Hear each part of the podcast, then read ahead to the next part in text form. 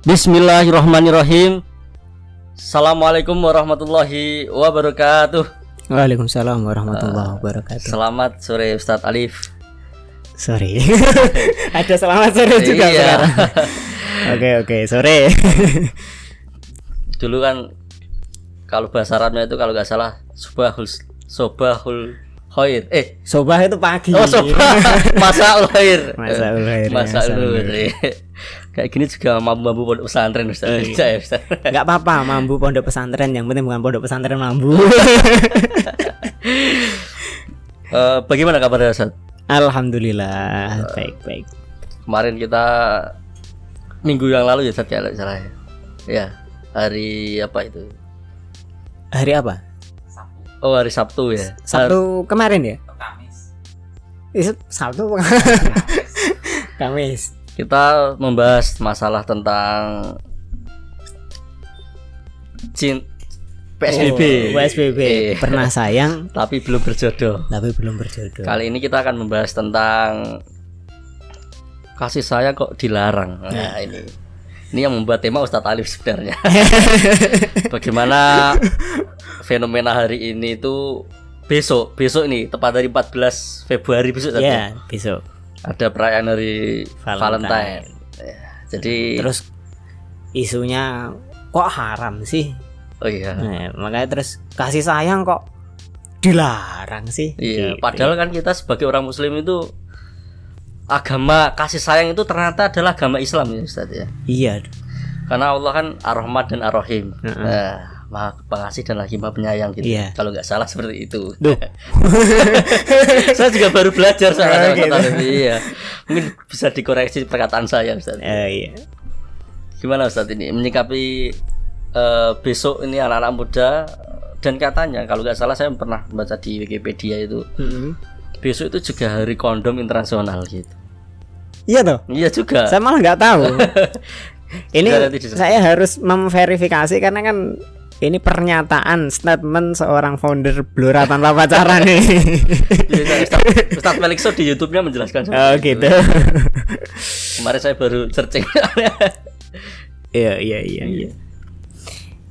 Nah, kalau untuk hari ini kita eh, tadi pokok-pokoknya sudah disebutkan sebenarnya. Jadi mulai dari kasih sayang dalam Islam. Asal muasalnya kita itu kok harus jadi eh, orang yang kasih sayang atau agama kasih sayang itu asal muasalnya gimana sih? Itu pertama. Kemudian baru nanti menukik ke hari Valentine. Hmm. Termasuk apakah benar eh, kasih sayang itu dilarang? Oh, iya. gitu ya. Jadi yang pertama ya asal usul kasih sayang itu menjadi bagian dari agama Islam. Kita sebagai orang Muslim, orang yang bertakwa itu kan yang membedakan kita dengan orang lain itu apa? Apa ya?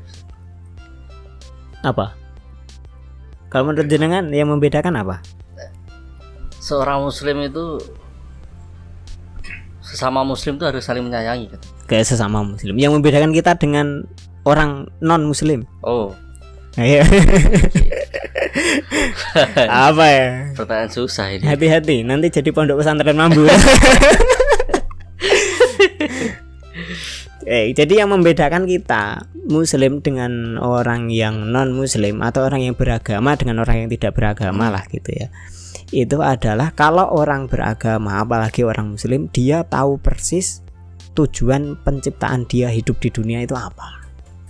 Oh iya. Ya kan gitu ya. Iya, iya. Karena kalau orang nggak beragama dia nggak ngerti tujuan penciptaan hidup di dunia, makanya dia sesuka dia.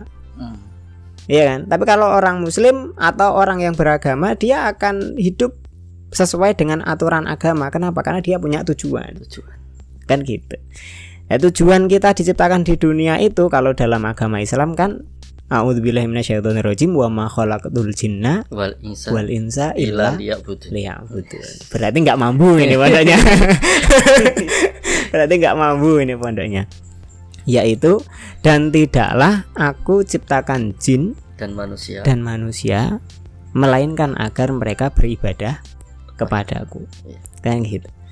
Nah, Abdullah bin Abbas seorang mufasir ya yang didoakan oleh Nabi SAW sendiri agar ia itu diberi kepahaman tentang tafsir menafsiri ayat ini liya budun ay liya arifun Ya. Liya budun ay liya arifun yang dimaksud dengan agar mereka beribadah kepadaku itu adalah Ya. agar mereka tahu. tahu atau Mengenal. mengenalku ya maka ibadah itu tidak akan sempurna tanpa kita mengenal Iya. Allah Makanya rata-rata itu tak kenal maka tak sayang Nah, Ustaz ya. tak kenal maka tak aruf Itu klinik taruh Ustaz. oh iya tak kenal maka tak aruf tak sayang itu masih hmm, harus kenalan dulu baru bisa Iya. sayang ya maka ibadah seseorang itu bisa dianggap sempurna ketika dia sudah sampai titik mengenal Allah sebaliknya kalau seseorang nggak mengenal Allah walaupun dia dalam tan dalam dohirnya itu melaksanakan Ibadah.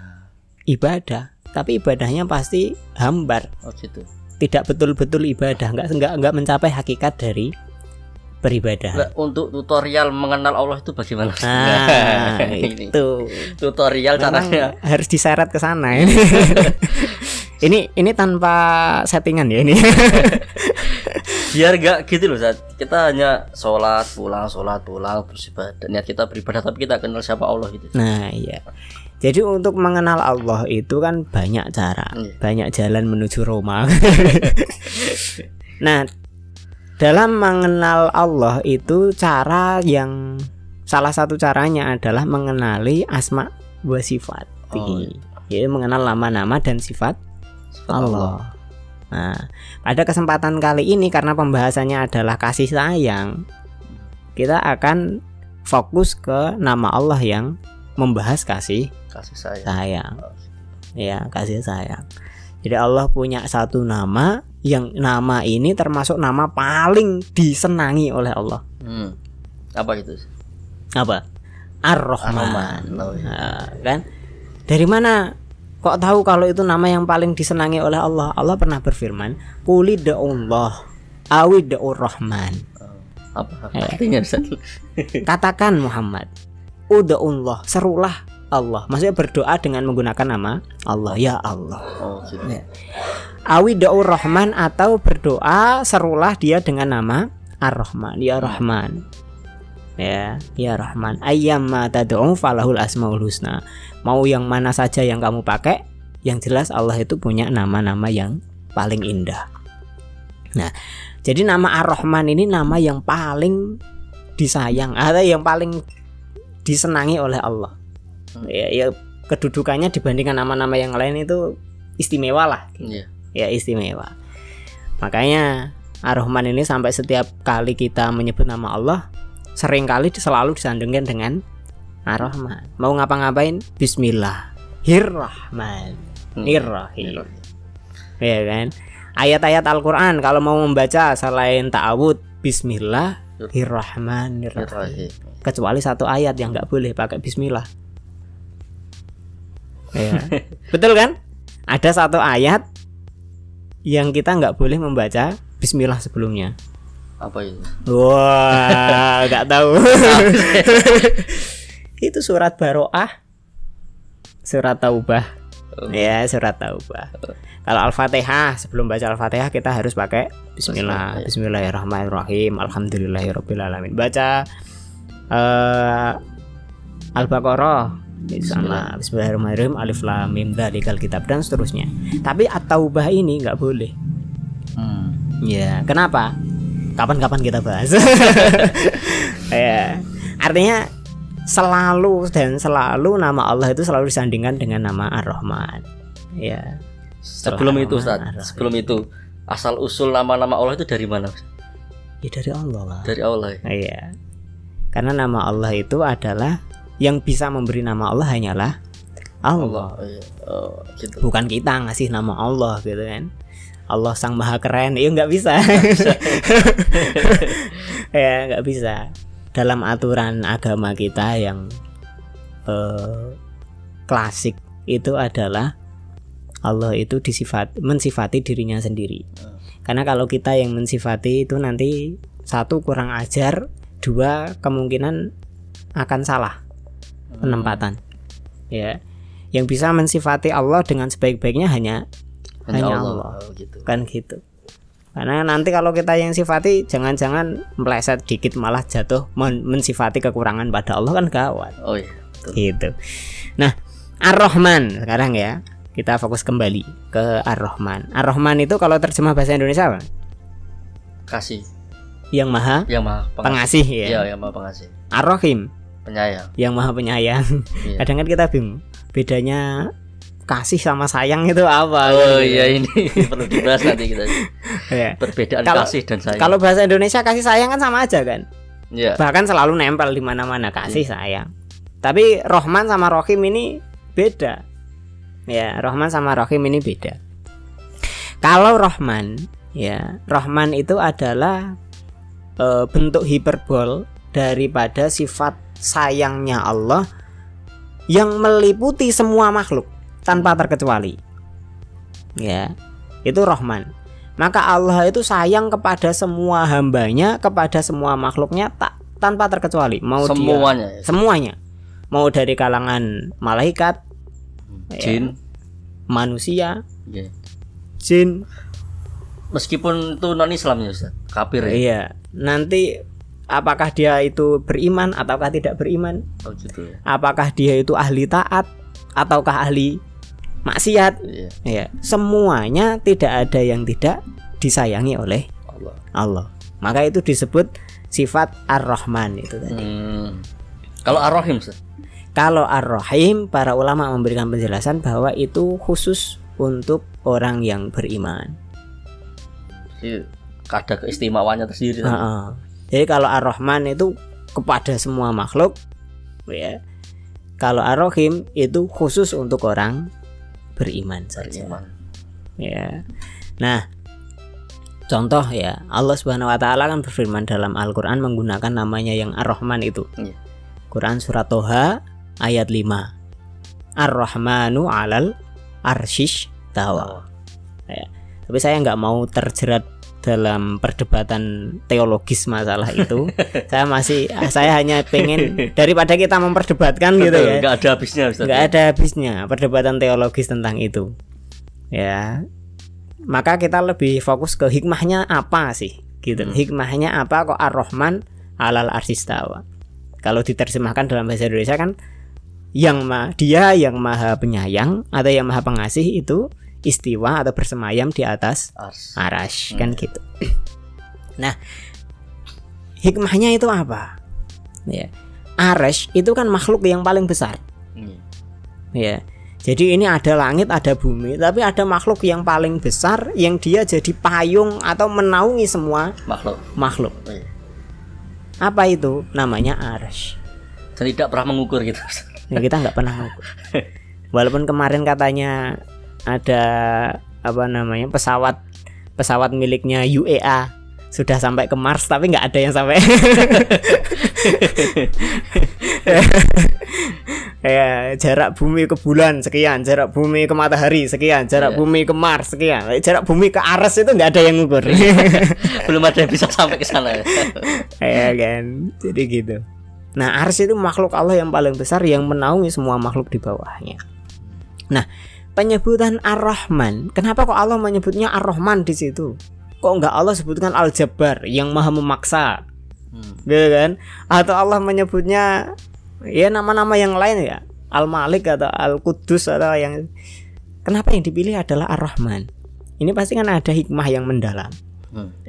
Salah satu hikmah yang bisa kita tarik dari situ adalah kenapa Ar-Rahman alal arsistawa? Karena Ar-Rahman Allah yang Maha Pengasih itu kasih sayangnya menaungi semua yang ada di bawah arash. Oh, gitu. Iya. iya. Maka dipilih kata Ar-Rahman. Di- dipilih nama atau sifat Ar-Rahman, bukan sifat yang lain. Berarti semua makhluk ya Ustaz. Iya, Tanpa terkecuali. tanpa terkecuali. Pokoknya Itu. selagi dia masih di bawah arash, Betul. itu masih disayangi oleh Allah dengan sifatnya Ar-Rahman. Berarti Ya. yang mengatakan ana robbu ana saya adalah Tuhanmu yang paling Tinggi. tinggi. Eh, Fir'aun. Fir'aun. Rabbukumul a'la. Iya. ya. padahal masih dia masih di bumi Iya masih di bumi, bisa deh. iya makanya. Terus bikin bangunan tinggi terus katanya mana Musa ini? Gitu Oh, kan. iya. saya pengen lihat Tuhannya Musa kok nggak ketemu gitu. apa kita perlu bahas juga nanti? Ke depan nggak usah. Siapa itu Fir'aun? Udah, udah tahu semua. Maka Fir'aun sekarang ya jadi gitu. Kayak eh, apa namanya Ar-Rahman alal arsistawa hikmahnya adalah bahwa kasih sayangnya Allah meliputi semua yang ada di bawah arus. Hmm. Nah, eh, kita nggak boleh asal ngomong saya itu kenal sama Allah. Kamu udah tahu sifat ini belum? Kan gitu. Iya. Ibadah kita kepada Allah adalah dengan mengenalinya. Nah, mengenal Allah harus tahu ini. Apalagi ini kan pertama ini. Setelah Allah pasti langsung Ar-Rahman kan gitu. Iya. Ya, kalau kita belajar Asmaul Husna itu. Allah Ar-Rahman dulu. Setelah Ar-Rahman baru Ar-Rahim, Al-Malik, Al-Qudus, As-Salam, Al-Mu'min kan gitu kan. betul Ya. tapi gini Ustaz kan banyak terkadang kita itu sholat pas sholat itu ingin ingat Allah Mm-mm. tapi di saat kita sholat itu kadang membayangkan lafadz Allah gitu loh, Ustaz. Eh, Nah, itu bagaimana apakah boleh gitu ini sudah sering sebenarnya saya bahas ini. ya. Iya. soalnya kan gini oh tidak kan belum belum eh, mau meng- mengenal Allah itu kan kita harus tahu kan. Mm-mm. harus tahu sifatnya tapi kan banyak yang mengatakan ada orang-orang di luar Islam ya, Ustaz. Mm-mm. oh orang ketok kok mbok percaya nih gitu loh Iya. nah kadang gitu kita j- dari mualaf center seperti itu kadang kita dapat bantahan-bantahan seperti itu Jadi melihat Allah itu, apakah Allah bisa dilihat? Apakah Allah bisa dilihat? Jawabannya bisa. lewatnya bagaimana cara melihat Eh, Sayyidina Ali pernah ditanya masalah itu, ya kan? Eng- Engkau menyembah Allah, ya menyembah Allah. Kamu kok nyembah Allah itu emangnya pernah lihat sih? nah itu Jawabnya Ali, ya aku nggak mungkin nyembah sesuatu yang nggak bisa aku lihat lihat. Oh, Iya. ya perlu ini Aku nggak mungkin nyembah sesuatu yang nggak bisa kulihat. Terus bagaimana cara melihat Allah? Melihat Allah nggak dengan ini. Melihatnya tidak dengan mata. Kenapa melihat Allah itu tidak bisa dengan mata? Karena mata kita sangat lemah sekali. Coba kalau misal kita melihat Allah harus dengan mata, lah orang buta gimana ngelihat? oh iya iya Nggak adil dong. ya nggak? Nggak adil dong. Iya, iya. masuk akal masuk akal Ya. Orang tidur gimana ngelihat Allah? Dia ketutupan. Orang kelilipan gimana ngelihat Allah ya kan? Kenapa kita itu kok diciptakan oleh Allah nggak nggak melihat Allah dengan mata kita ketika di dunia ini karena mata itu penuh dengan kelemahan.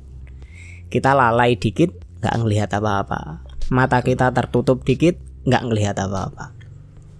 Makanya Lihat Allah nggak dengan mata. Lalu dengan apa? Dengan mata hati. Ah ini Mata hati itu apa? Bukan kok ah, saya sudah dibuka mata hati saya batin saya. ya, mata batin yang ngelihat demit nih. salah ini ada sesuatu yang salah. Kaprah ya. Harusnya mata batin itu yang dimaksud mata batin itu apa? Ya ilmu. Hmm, harus dengan ilmu ya Iya, dengan ilmu. Melihat Allah itu dengan ilmu. Ya, bahwa pasti ada yang namanya pencipta. Dan pencipta itu pasti tunggal, esa. Hmm. Pencipta yang tunggal yang esa itu adalah Allah. Ini mulai dimulai dari situ. tapi kita nggak boleh memikirkan bentuknya seperti apa gitu Enggak. Ustaz. nggak boleh ya Ustaz Karena apa pun yang keluar dari pikiran kita pasti itu makhluk. Sesuatu yang lahir dari makhluk pasti makhluk makhluk. Iya enggak? berat pembahasan berat Ya, berat pembahasan berat. iya kita bahas ringan-ringan Ya, aja biasanya ringan aja. Sebenarnya nggak berat. Anak manusia pasti manusia kan gitu. Iya, ya? betul. Ya udah. ya, makanya kalau kalau kita kita ngena pemahaman itu kan termasuk eh, dalam dalam agama kita nggak mungkin Tuhan itu beranak karena karena kalau Tuhan itu beranak anaknya pasti Tuhan juga kan gitu. Ya, kalau kalau anaknya Tuhan adalah Tuhan nanti jangan-jangan berantem sendiri ini. Iya. atau Tuhan yang satunya akan menua dan Tuhan yang satu akan mewarisi eh, tahta daripada orang tuanya. Dan itu nggak mungkin. Masa Tuhan menua masa Tuhan melemah? Iya. Karena Tuhan tidak tua dan tidak melemah maka dia tidak mungkin beranak. Kan nggak akan regenerasi. Pokoknya gitulah ya. Ini malah jauh sekali nih mamanya kembali kembali ke topik kembali ke topik ya. Jadi ar-Rahman. Yang pertama Ar-Rahman. Nah, kalau kita mengenal Allah ya. dan kita beribadah kepada Allah maka Ar-Rahman ini tidak hanya sekedar kita pahami kita ilmui kita simpan dalam hati. Hmm. enggak. Tapi harus diamalkan. Diaplikasikan. Diaplikasikan. Ya diaplikasikan. Baru itu kita disebut mengenali Allah. Kalau kita hanya menyimpannya dalam hati dan aplikasi kita berbeda dengan eh, sifat Allah itu tadi ya kita tidak disebut sebagai mengenali mengenali Allah. Nah untuk tahap pertama kita Ustaz apa yang kita lakukan Ustaz? Ya agar kita lebih yakin gitu loh Ustaz. tentang Ar-Rahman iya. Tebar kasih sayang. Tebar kasih sayang. Oh. Nggak nggak harus hari Valentine besok berarti ya Ustaz. Oh, enggak sih. Wah, ini nanti sama jamaah online ini langsung oh sudah ketemu jawabannya. Ya sudah gitu. Eh, Udahlah ngapain ikut live streaming ini sudah intinya sudah ketemu ini. gitu. Nanti simpan untuk nanti itu. siap ya, tebar kasih sayang. Makanya Islam turun juga kan Nabi Muhammad diutus, Islam turun itu kan sebagai wa ma arsalnaka illa rahmatan lil alamin. Ya, tidaklah aku mengutus engkau hai Muhammad. Berarti tidaklah aku mengutus atau menurunkan agama Islam illa rahmatan lil alamin kecuali sebagai bentuk rahmat kami kepada semesta semua alam. Iya. Makanya betul tadi Islam adalah agama kasih, Kasih sayang. sayang. Karena sejak awal dia turun itu sebagai kasih sayang. betul betul Nah, ya gitu. Kasih sayangnya seperti apa? bentuk kasih sayang Bentuk kasih sayangnya. Jadi Islam itu kok disebut sebagai bentuk kasih sayang kenapa? Karena Allah itu menghendaki. Ya, Allah itu ridho, meridhoi kalau semua manusia, Hmm. semua makhluknya itu bahagia. Hmm. Hmm. ya kan makanya diberikanlah jalan kebahagiaan dunia akhirat yaitu Islam Betul. gitu loh kalau kamu pengen bahagia dunia dan akhirat titi ini agama Islam ya kamu akan selamat dunia akhirat bahagia dunia akhirat berarti kan bentuk sayang kan ya yang dulu kita pernah bahas waktu pembahasan yang pertama bahwa eh, la yu'minu ahadukum hatta Hatta yuhibba li akhihi ma yuhibbuhu li nafsi. Iman seseorang tidak akan sempurna sampai dia bisa mencintai sesuatu untuk saudaranya sebagaimana ia mencintai itu untuk dirinya sendiri. Itu termasuk kenapa orang muslim itu mendakwahkan Islam kepada dunia ini. Karena Islam yang kita yakini sebagai agama perdamaian, iya agama kasih sayang yang membuat manusia itu nanti selain mencicipi nikmat disayang Allah Ar-Rahman, tapi juga bisa mencicipi nikmat disayang Allah dengan sifat Ar-Rahim, oh. ya. Biar bisa ngerasakan itu, dia harus Islam. Kan gitu. Makanya diajak, ayo Islam, ayo Islam, ayo Islam. Ya. Diajarkanlah tentang Islam itu agamanya seperti ini, seperti ini, seperti ini. Yang indah-indah. Ya, yang indah-indah, bukan yang ngeri-ngeri. Kalau yang ngeri-ngeri ini kayaknya buatan ini. Lah terus tentang untuk lakum dinukum waliyadin itu bagaimana? Nah, manusia tadi kan terus diajak untuk bisa mencicipi Islam kan gitu, ya. bukan mencicipi ya menetapi agama Islam. Tapi kalau dia tidak mau, ya maka la ikroha fiddin. Ini sudah bagian dari agama kita. Tidak ada paksaan ya. Tidak ada paksaan, ya tidak ada paksaan dalam agama.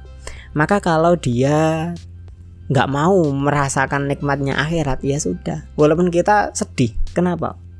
Ya Allah ada saudaraku yang dia hanya akan menikmat menikmati kenikmatan di dunia, tapi di akhirat enggak.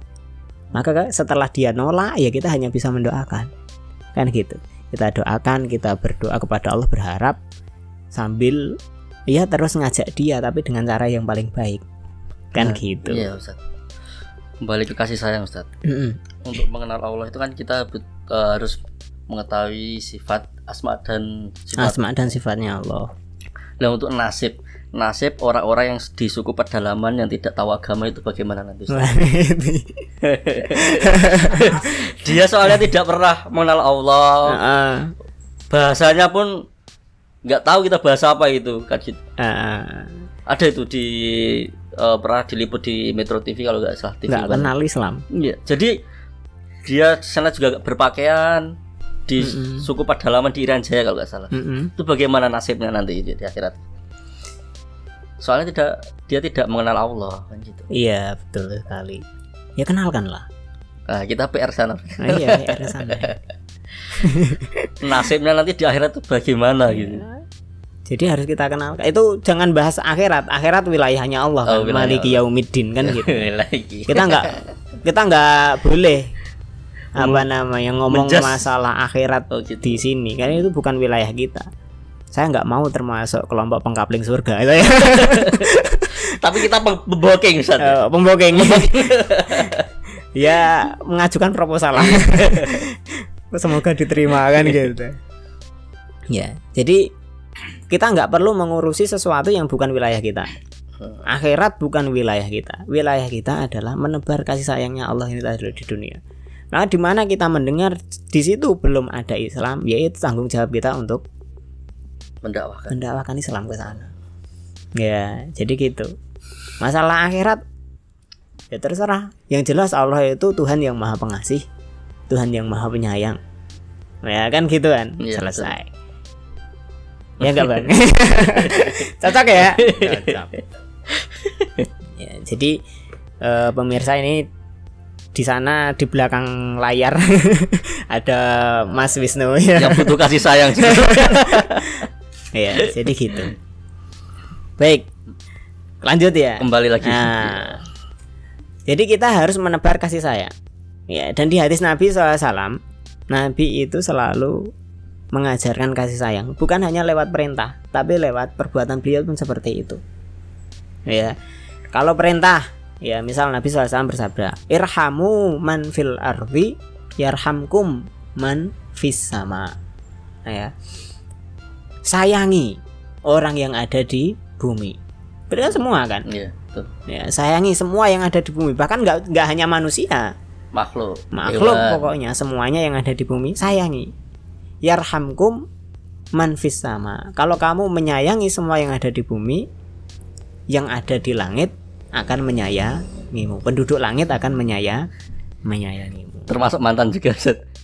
Oh, mantan sudah di langit. eh kita doakan Allah maufirlah warhamha wa'afiyah. Enggak usah bercanda. kan kasih saya ke semua makhluk ya. Eh, gitu. Berarti mantan juga boleh. Iya boleh. boleh. Boleh. boleh. Tapi kan ya namanya menyayangi kan tadi kasih sayang untuk dunia akhirat kan gitu kan. Iya, gitu. kita doakan aja. Kalau ya, kalau kalau kasih sayang kasih sayang palsu oh, namanya bukan kasih sayang kan gitu kan. Ya. Jadi gitu. Tebarkan kasih sayang di muka bumi kamu akan disayangi yang ada di Lain. lain. Ya, malayarham layurham dalam hadis juga gitu. Siapa yang tidak menyayangi, maka dia tidak akan Disayang. disayangi. Siapa yang tidak menyayangi makhluknya Allah, dia tidak akan disayangi sama penciptanya makhluk. Oh, penciptanya Allah jangan deh. makhluk. penciptanya makhluk ya. Penciptanya makhluk yaitu Allah Subhanahu wa taala. Jadi ini esensi kasih sayang dalam agama kita itu jelas sekali. Dan kita setiap hari membaca asma Allah walaupun mungkin belum mengilmuinya. Lah lewat ini kita berharap bisa sedikit mengenal Allah. Karena kalau penuh nggak mungkin, Enggak mungkin. nggak mungkin. Ya sadar diri aja. sadar diri aja. Wes pokoknya sedikit aja udah bagus ini. Ya misalkan kita dari dari setelah eh, sore ini kita sudah kenal Ar-Rahman dan bisa memahami, meyakini dan mengamalkannya udah keren. Ini Ya kan? Wes bisa buat jaminan surga insya Allah. Ar-Rahman dan Ar-Rahim aja Ustaz ya. Belum yang lainnya Mas. Iya, belum yang lain. Ya kan? Udah harusnya innalillahi tis'atun wa tis'inasman. Apa? Allah itu punya nama 99 Sembilan. Man ahsaha dakhalal jannah kan. Siapa yang mengingatnya, siapa yang menghafalnya, maka dia akan masuk surga. Maksudnya menghafal, mengingat itu apa? ya mengetahui dan mengamalkannya. Ya, tunjukkan ke seluruh dunia kita itu adalah duta-duta yang diperintah untuk mengenalkan Allah kepada dunia. PR-nya Berat. pembahasan hari ini sangat berat. iya, jadi membawa agama, mengajarkan agama itu adalah intinya mengenalkan manusia tentang Allah. Jangan dibalik. Banyak orang hari ini membawa agama agar dunia mengenal dia. Wah, Kan kebalik kan? agar viral. Iya.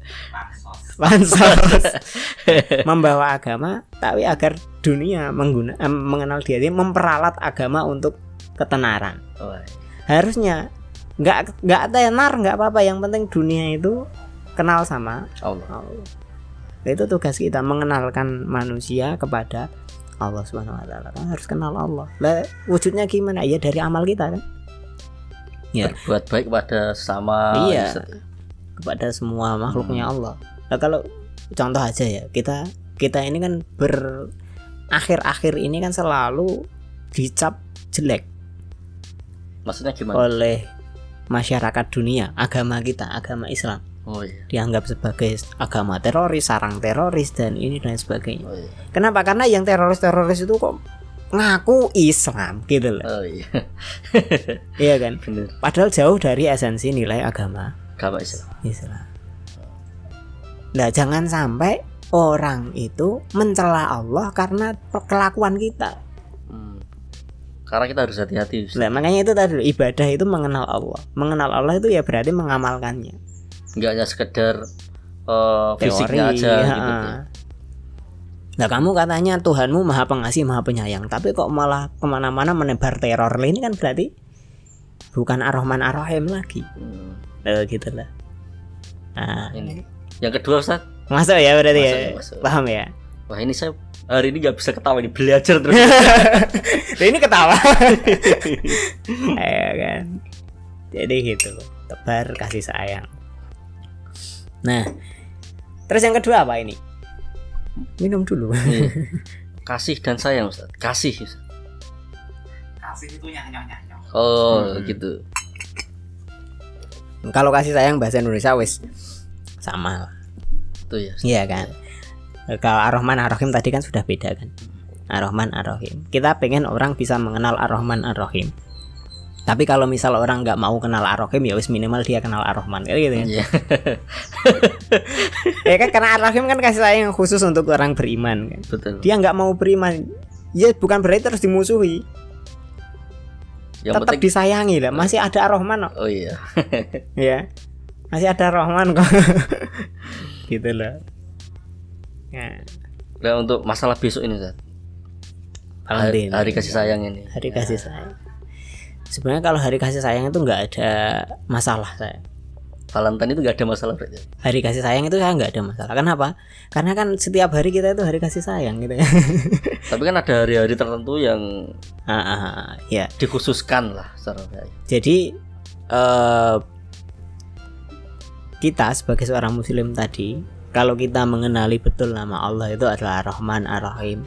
Ya maha pengasih maha penyayang maka sudah seharusnya kita itu menebar kasih menebar sayang. Dan itu nggak ada patokannya nggak ada batasannya. Selagi kita masih menghirup nafas kita dan masih mengaku sebagai hamba Allah ya itu yang harus kita tebar. Jadi nggak ada hari khusus ini adalah hari kasih sayang ya pada dasarnya seperti itu Kalau memperingati hari kasih sayang Ustaz. tentara Iya, iya. pada dasarnya seperti itu ya nah kalau misal kita buat hari kasih sayang boleh nggak boleh Boleh. nggak ada masalah dengan itu Misal tapi itu hanya sebagai momen pengingat kita bahwa eh, kita itu harus menebar kasih sayang loh gitu. gitu ya kayak kita menentukan ini hari ini kita ngaji. Hari ini kita nuntut ilmu. Apakah menuntut ilmu berarti harus hari itu? Enggak. Setiap hari harus nuntut ilmu. Tapi kan ini kita sepakati untuk recharging kita. Oh iya. ya recharging kita. Ya. Maka sebenarnya hari kasih sayang itu enggak masalah. Yang masalah hanya adalah untuk recharging. Recharging ini tadi apa namanya? Keimanan recharging agar kita itu besok lebih semangat lagi menebar kasih saya kasih sayang. Nggak masalah. Kalau perlu setiap hari ya harus setiap hari kayak gitu ya. Hakikatnya karena hari kasih sayang setiap setiap hari. hari. Sama kayak yang sering diperdebatkan hari ibu. Ya betul. Mengkhususkan satu hari untuk lebih menghormati ibu apakah salah? Nggak salah. Ya tapi kalau hanya di hari itu minta maaf sama ibu terus besoknya Besoknya- durhaka lagi gitu. Sama aja. Kayak gitu. Ya tapi adanya hari ibu apakah bermasalah? Nggak nggak bertentangan sama sekali kok ya nggak bertentangan sama sekali bahkan ada yang eh, ketika kita sebagai orang muslim orang-orang Nahdiyin itu malah menggunakan ketika lahirnya Rasulullah memperingati hari sayang Iya. Rasulullah seperti itu kan nggak masalah kan Iya. termasuk besok itu mohon maaf ya besok itu hari lahirnya eh Kiai Haji Hasyim Asyari. Oh iya. Masalahnya gini Ustadz jadi kita peringati aja hari hari kasih sayang sebagai hari lahirnya. Masalahnya sekarang itu anak-anak muda itu salah digunakan Ustadz Nah. Nah, ini Setuju. Iya. Beloknya kan ke situ. Iya, jadi ini nanti jangan dipotong bahwa oh ini ternyata menghalalkan perayaan Valentine. Enggak saya kan bilang hari kasih. Saya. Saya. Valentine sekarang. Ah, nah ini. belok. Lebih menukik lagi karena beda Valentine sama hari kasih sayang menurut saya beda. Menurut saya beda harus dibedakan. Karena kalau Valentine kan kasih sayang kan bukan sama dengan Valentine kan? Bahasa apa Valentine? Kan gitu kan? Iya. Valentine ini ada ada hari khusus sebenarnya kan gitu. Ya yang sejarahnya panjang. Singkatnya aja Ustadz Biar paham Ustadz singkatnya cari di Wikipedia.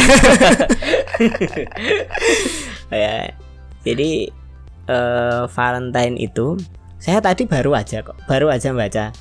Ya karena kita sebagai seorang muslim harus punya sifat verifikatif. Ya jangan suka terbawa eh, informasi ke kanan berarti ke kanan ke kiri berarti ke kiri. Hmm. itu bukan. Berista harus tengah-tengah Ustadz nggak nggak harus jadi sifat apa namanya itu nanti kita akan banyak kehilangan identitas. Hmm. Ya kenapa? Karena dapat hoax ikut, dapat kabar apa ikut. Ikut oh, iya. Nah, ada kabar apa ikut. Harus verifikatif. Coba kita cek, ya ini ada kabar ini, benar apa enggak? Ya. Jadi Betul, bukan betul. bukan hanya saring sebelum sharing gitu ya, Iya. tapi sebelum di art sebelum kita pakai saja harus disaring dulu. Karena kalau sharing kan berarti belum tentu kita pakai kan mudah mau ditebar kan gitu. Ya, jadi saring. Hari Valentine sebenarnya apa sih? Ya kalau kalau tadi saya membaca di Wikipedia, memang Valentine itu lebih identik dengan Nasrani. Sejarah Nasrani. Iya. Tapi di situ juga disebutkan bahwa asal usul daripada Valentine itu dibuat-buat. Tidak sesuai dengan kenyataannya Ustadz Banyak banyak legenda. Hmm. Katanya itu adalah nama seorang pastor Santo Valentinus. Hmm. ada seorang martir martir itu syahid lah. Ya kalau dalam agama kita nyebutnya Sahih. syahid. Ya orang yang rela mati demi agama gitu ya. Hmm. terus ada apa? Jadi ada orang-orang yang disebut santo itu kan orang suci kan? Hmm. orang yang dipandang suci namanya Valentine itu tadi. Hmm. Valentinus atau Valentino. Bentar, bentar, tapi Ustadz tadi bukan mu'alaf toh Oh bukan, saya hanya membaca Wikipedia. ya, nanti tanyakan yang mualaf itu, tapi belum tentu mualaf lebih ngerti agamanya Oh juga. iya kan. Ya, yang penting sekarang itu verifikasi aja. ya, nah di situ terus diberi apa namanya keterangan bahwa tiga-tiganya ini sebenarnya legenda. Hmm. Legenda itu kan nggak nggak jelas asal usulnya, tapi disebut-sebut sehingga semua orang itu seolah-olah ngerti padahal nggak. Hmm. seolah-olah itu nyata terjadi padahal enggak kan Enggak. legenda kan gitu kan. Legenda tangkuban perahu katanya itu dulu perahu ditendang terus nangkup jadi gunung. Iya. Tapi kan hanya legenda. Betul. Aslinya apa kayak itu enggak Ya. Mungkin yang asli Astrea Ya, jadi ini contoh iklan kalau mau iklan di podcast ya nanti hubungi Bang Wisnu ya. Jadi gitu. Ya, itu hanya legenda, hanya mitos. Tapi memang tadi dia lebih cenderung ke mereka legenda di dalam agama Nasrani. Nasrani. Tapi di, di Wikipedia itu disebutkan juga ada gereja-gereja yang karena tahu bahwa itu itu tidak berdasarkan fakta, maka dilarang perayaan Hari Valentine. Valentine itu. Oh. Jadi bukan hanya orang-orang muslim yang geget di mana-mana Valentine haram, Valentine haram, kita tidak merayakan Valentine, saya to Valentine. kan. Iya. Tapi gereja pun Ada yang. ada yang oh. melarang. Karena kan agama, masa agama dibangun di atas legenda. Ya kan? Kan Jadinya lucu. Nanti legenda Gunung Merapi gawat. Malah hampir lagi nanti. gitu loh. Ya kan? Jadi gereja pun banyak yang melarang. Cuman Valentine itu kenapa kok dia sampai masyhur? Hmm. Karena dia memang dipropagandakan oleh industri. Hmm, iya, iya. Ternyata ketika Valentine itu banyak order. Ya, mulai dari kartu ucapan hari Valentine. Ya, Coklat. Amerika itu setiap ini wah banyak gitu kan. Hmm. Berarti lagi-lagi ke bisnis juga ini tadi. Bisnis. Coklat Coklat. ya, bahwa Valentine identik dengan coklat. Perusahaan coklat Perusahaan coklat itu mau percaya Valentine atau nggak percaya, yang penting itu hmm, Income. ini panen besar itu pas tanggal 14 Februari. Mohon maaf perusahaan coklat, saya pencinta coklat sebenarnya. ya kita hanya mengkaji ini aja. Hmm. Ya coklat, terus apa namanya? Ya pokoknya yang punya Berhubungan termasuk dengan tadi kondom Valentine. itu. Oh iya. Itu apa namanya? Beroperasinya tuh ini, ini saatnya panen. Hmm. Ya, maka Valentine selalu identik dengan cinta yang dalam agama kita itu nggak diridhoi, gitu kan? Iya. Nggak diridhoi. Ada perzinahan, ada ini, ada itu. Dibungkus atas nama cinta. Cinta. Maka itu yang kita tolak. Ya. Betul. Lalu para ulama mengatakan, oh Valentine, merayakan Valentine dan mengagungkan Valentine, maksudnya senang dengan hadirnya hari Valentine itu kufur. Ya benar, karena Valentine yang identik dengan ini tadi loh. Ya identik dengan Nasrani. perzinahan, identik dengan kasih sayang yang nggak nggak pada tempatnya, membungkus apa namanya sesuatu yang jelek itu dibungkus dengan nama kasih sayang. Padahal sebenarnya kan kasih sayang macam apa yang kayak gitu coba Betul. perempuan dijadikan sebagai objek seksual terus setelah enak ditinggal ya habis manis sepah Dibuang. dibuang Sepah ditelan lagi. kelolotan nanti bayi maksudnya. ya kan? Maka kalau senang dengan hari yang seperti itu kufur. Kan gitu kan? Kufur, iya. tapi kalau tidak senang bukan tidak senang ya biasa aja lah. Pokoknya hanya merayakan saja Valentine. Maka haram. Kan gitu kan? Maka Oke. haram. Tapi coba misal Valentine itu nggak punya sejarah seperti itu. Ya Gimana maksudnya Ustaz? ya tadi hari kasih sayang aja gitu ya Oh, bahasa gitu. kita hari kasih sayang saya kira jawaban para ulama akan beda sama seperti hari ibu hari ibu kan nggak punya nggak punya backing sejarah buruk seperti itu kan nggak Hmm. punya maka hari ibu para ulama tidak bermasalah dengan itu Biasa aja. Ustaz. biasa aja boleh nggak merayakan hari ibu boleh Tapi ada yang mengatakan kan Rasulullah tidak pernah mengajarkan seperti itu Ustaz. apa Memperingati hari kasih sayang, memperingati hari ibu, memperingati hari lahir ada yang ber- eh, ada yang berpendapat seperti itu. Jadi ya saya menghargai yang enggak yang tidak merayakan. Iya, Ustaz. Karena pada dasarnya kita kan bebas-bebas saja kan. Oh, betul. Memilih agama saja laik roha Fit. fidin apalagi sama-sama sudah Islam hanya beda persepsi dalam memahami teks kan enggak Iya. masalah. Ada saudara-saudara kita yang tekstual harus seperti ini. Oke, nggak masalah, silahkan. Ya, nggak masalah, silahkan. Toh mereka juga masih tetap birul walidain, misal hari ibu, ya kan? Ya. Jadi ngapain kita kita berdebat pada orang yang masih birul walidain? Perdebatan harus digelar pada orang yang ngomong "Hai selamat hari ibu selamat hari ibu tapi dia malah durhaka kepada ibunya. Itu yang harus kita gitu ya jiwet ya Iya kan? Gitu. Jadi jangan salah salah kawan salah lawan gitu loh. Betul. Ya nggak masalah silakan dengan pemahaman mereka. Nggak apa-apa. Be- bebas ya Ustaz. Heeh, tapi kalau kita diminta apa namanya penjelasan kita punya penjelasan. Oh gitu. Iya. Contoh di antara penjelasan kita yang mungkin mereka juga sudah tahu. Nabi SAW ya ketika datang ke Madinah iya. beliau bertemu dengan orang-orang Yahudi. Hmm. dan ketika itu mereka berpuasa. Iya tanggal 10 Muharram. Satu Muharram. Oh iya yang 10 Muharram. Satu Muharram. 10 Muharram. Wah. ini apa headsetnya minta diganti ya ya 10 Muharram hari Ashura Hmm. Sebelumnya Nabi tidak pernah berpuasa di hari Asyura. Hmm. Maka Nabi tanya sama orang Yahudi, "Lah, kenapa kalian berpuasa hari ini?" Ya, dijawab sama orang Yahudi, "Ini hari ini adalah hari di mana Musa diselamatkan, hari ini, hari ini, hari ini." Hmm, iya. Maka kami bersyukur tentang hari ini dengan berpuasa.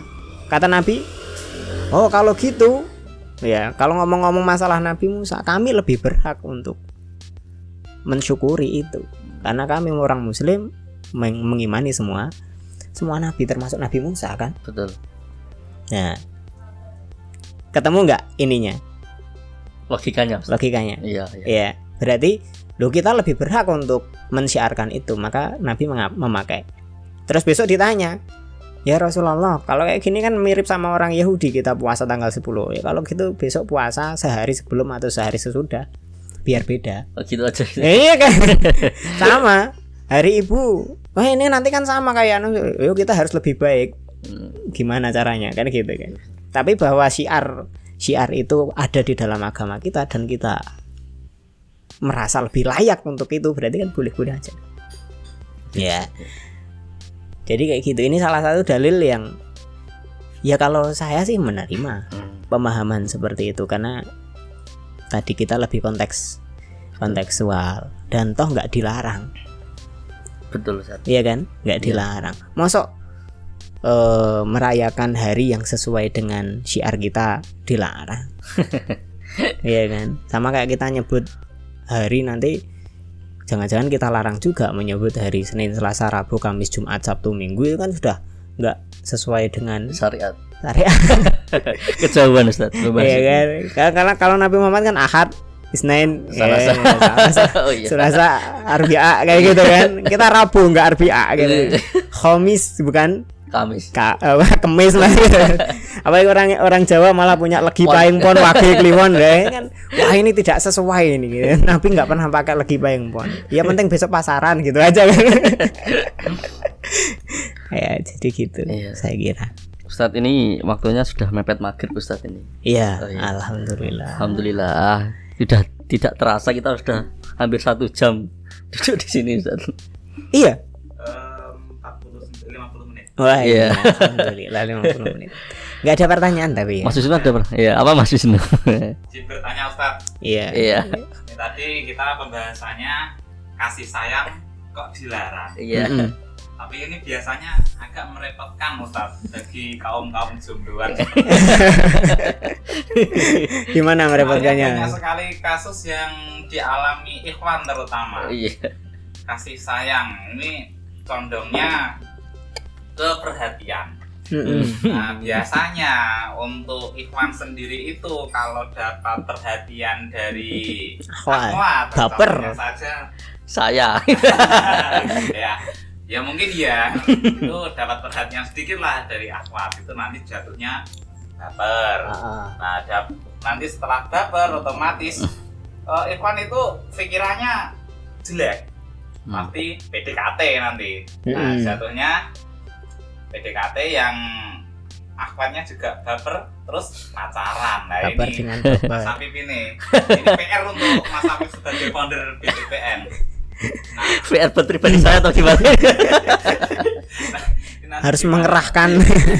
kasih sayang kan tadi agama Islam itu identik dengan kasih, Kasih sayang. sayang. Tapi kalau kasih sayang yang seperti itu kan apakah boleh gitu ya? apakah dibolehkan Oh, iya Iya. Betul. Ya. Pertanyaannya seperti itu ini Ustaz Ali aja jangan saya jawab Jadi selagi kasih sayang itu sejati, ya maka Islam tidak pernah melarang. Kenapa Islam melarang bentuk seperti itu? Karena nggak sejati, iya kan? Karena hanya gombal, iya kan? Karena hanya ketika dia bilang, oh saya aku sayang kamu, atau hari besok ketemu orang yang lebih cantik, oh enggak, aku sudah nggak sayang sama kamu, kan gitu kan? Iya enggak? Yang cewek juga gitu. Kenapa? Aku sayang sama kamu. Iya, aku juga sayang sama kamu. Terus besok eh, terjadi kasus yang cowoknya ini nggak nggak nggak terlalu perhatian, gitu kan? Akhirnya terus dia bilangnya, wah ternyata kamu nggak perhatian lagi. Ada yang lebih perhatian dari kamu. Aku sayangnya lebih sayang sama dia. Loh ini kasih sayang yang seperti inilah yang nggak boleh. Ya. Mungkin- oh, berarti kalau saya komitmen boleh.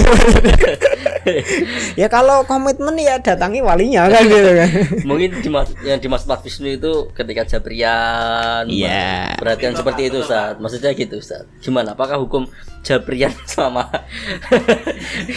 dan akhwat ini dalam hal perhatian konteks perhatian itu apakah boleh gitu loh Ustaz Iya kan itu perantaranya kan. iya Modusnya kan lewat Jabrian. iya Tapi intinya kan tadi hanya pengen modus saja. kan. Ngakunya saya. mungkin ada yang curhat Ustaz mungkin Iya. mungkin ada yang curhat seperti itu. solusi kan ya iya ya. Solusinya segera nikah, Mas. ya nanti ditangkap sama founder BTPN. ya, jadi gitu. berarti Jabrian sama lain jenis tuh boleh asal ada batasannya gitu Ustaz Iya, ya sama kayak kita jangankan jabrian hubungan secara langsung kan boleh kan? iya Komunikasi biasa, tapi kan dalam hal-hal yang diizinkan. Hmm. Bukan komunikasi dalam hal-hal pengen jadi buaya itu tadi ya. Iya kan?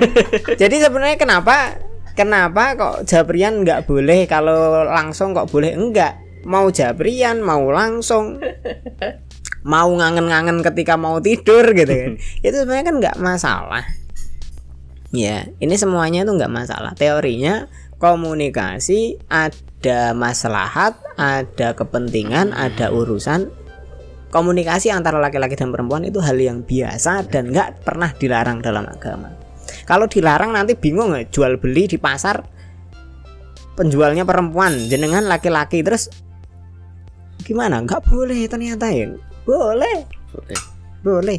Ya, yang nggak boleh itu upaya penunggangan penyusupan komunikasi digunakan untuk sesuatu yang dilarang oleh Allah. Ya modus mau zina betul. atau mau modus mau mendekati zina.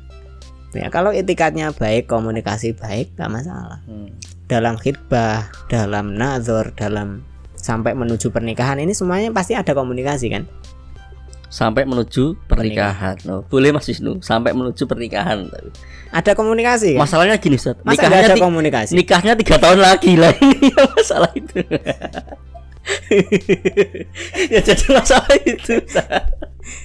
Nggak apa-apa asal nggak modus sih Bukan termasuk wala taqrabu zina Ustaz, berarti itu. Iya kan terga- kembalinya kan ke modus apa enggak tadi Oh, kan gitu ya. Hmm. Iya, kalau kalau setiap hari dia tanya ya modus lah itulah. Iya, modus jelas. Pengen pengen semakin dekat, pengen semakin dekat, pengen mengambil kesempatan biar makin dekat sebelum masanya. Oh iya. Kan gitu kan. kalau perlu besok ini eksekusi ini. eh lah ini ya enggak enggak benar kan di situ. Betul. Tapi pada dasarnya tadi komunikasi, ada maslahat, ada kepentingan dan tidak dilarang oleh agama itu enggak enggak masalah. Gitu Mas Wisnu. Paham Mas Wisnu? Ada yang titi, ada yang ditanyakan lagi Mas? Malah ya banyak bener ya. Iya. Jam Nanti berapa ini? Kalau komen-komenan eh kan gitu kan. Akhirnya kan akhirnya kan bingung kan kalau kalau orang terlalu membatasi bahwa oh kalau Sabrian nggak boleh. Oh, kenapa kok nggak boleh? Karena itu berdua-duaan. Ya kalau komen-komenan berarti nggak apa-apa kan gitu. Makanya saya jawab dengan lebih detail. Komunikasi nggak apa-apa asal nggak Oh, gitu loh. Gak modus untuk komen-komen itu tadi. oh ini bang Tama kalau komen-komenan ini Gitu. Master ya. masternya nggak di sini gitu Ustaz Iya, Eh, iya, mau iya. maghrib Ustaz Eh, Cukup. Cukup. Terima kasih Ustadz Alif atas ilmunya Ar-Rahman dan Ar-Rahim agar kita lebih mengenal Allah lebih jauh lagi. Dan bisa menebar kasih sayang. Iya, Jadi betul. kasih sayang kok dilarang enggak? Kasih sayang Nggak dilarang. gitu ya. Harus ditebarkan. Iya kan? Ditebarkan. Oke. Se- Statement terakhir satu aja Ustadz. Jangan banyak-banyak. Apa? Satu menit, satu menit kasih saya kok bilang tentang kasih sayang. Eh, iya. Kasih sayang kok dilarang. Iya. Kasih sayang itu diperintahkan untuk ditebarkan. Oh, gitu. Ditebarkan ke mana-mana. Irhamu man fil ardi, yarhamkum man fis sama. Sayangi yang ada di bumi, maka yang ada di langit akan menyayangimu. Penghuni langit akan menyayangimu. Semakin banyak yang kita kasih, yang kita sayangi di bumi, Mm-mm. berarti pahala kita semakin banyak Ustadz. Wah banyak sekali. Karena tadi apa pun yang kita lakukan itu berimbas pada orang lain menilai Allah. Hmm. Kita itu duta-duta yang dikirim untuk mengenalkan manusia kepada Allah. Maka jangan sampai busuknya amal kita menyebabkan busuknya nama Allah di mata manusia. Iya. Ya. Jadi ma- mau busuk itu ditahan saya. perlu perlu dibuat status ini. Kalau mau mengeluarkan busuknya kita, jeleknya kita itu tahan saya. Ini kira-kira bisa mempengaruhi penilaian orang terhadap Allah enggak? Hmm. kan gitu kan kalau iya wah dosa kamu bisa dosa besar ya. Besar, besar. Oh gitu. makanya lebih parah lagi kalau ngakunya menebarkan agama tapi malah justru membuat nama Allah semakin buruk di mata Manusia. manusia jangan sampai orang membenci Allah karena buruknya kita ya gitu ya Iya kadang serang. Wah itu lo wong muslim ngono ya itu. Nah. ya. Kadang itu ya Ustaz. iya betul Lakop-lakop itu. Oh, sudah ada Ustaz. oh iya, Iya. sudah kita cukupkan berarti Alhamdulillah tidak puasa Ustaz ya hari ini ya. Alhamdulillah ya saya nggak puasa gimana Lagi banyak perdebatan hari ini. Enggak, enggak, enggak. Kenapa saya enggak puasa? Karena saya takut nanti kalau disuguhi saya enggak bisa menikmati. Oh, iya. Menghormati ya. betul betul. Kasih sayang lagi. Iya. Mungkin baik. cukup sekian Ustaz eh, pembicaraan hari ini. Mungkin kalau yang mau ikut donasi beras bisa hubungi kami atau donasi untuk perkembangan podcast ini juga bisa menghubungi Mas Wisnu. admin dari Takwa Talk. Oh, adminnya Ustaznya sendiri. bisa jangan lupa follow Instagramnya, jangan lupa download Spotify Takwa Talk Ustaz. ya. Iya, takwa tok. Insya Allah kita akan launching di YouTube ya Ustaz.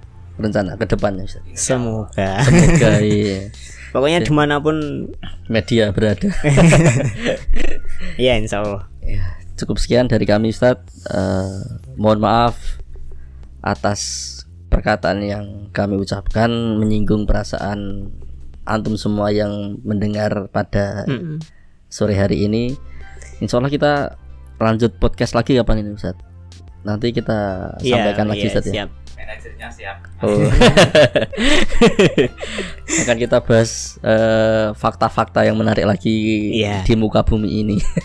Pokoknya pengetahuan yang unit lah yang kamu butuhkan. Permasalahan-permasalahan saat ini mungkin nanti kita Iya, bahas. Insya Allah. insya Oh iya. kan Takwa Talks obrolan ringan menambah ketakwaan. Oh, ini. itu tagline kita. Oh iya, saya belum hafal ini. Baik. Cukup sekian. Assalamualaikum warahmatullahi wabarakatuh. Waalaikumsalam warahmatullahi wabarakatuh. Jazakallah khairan ya Iya.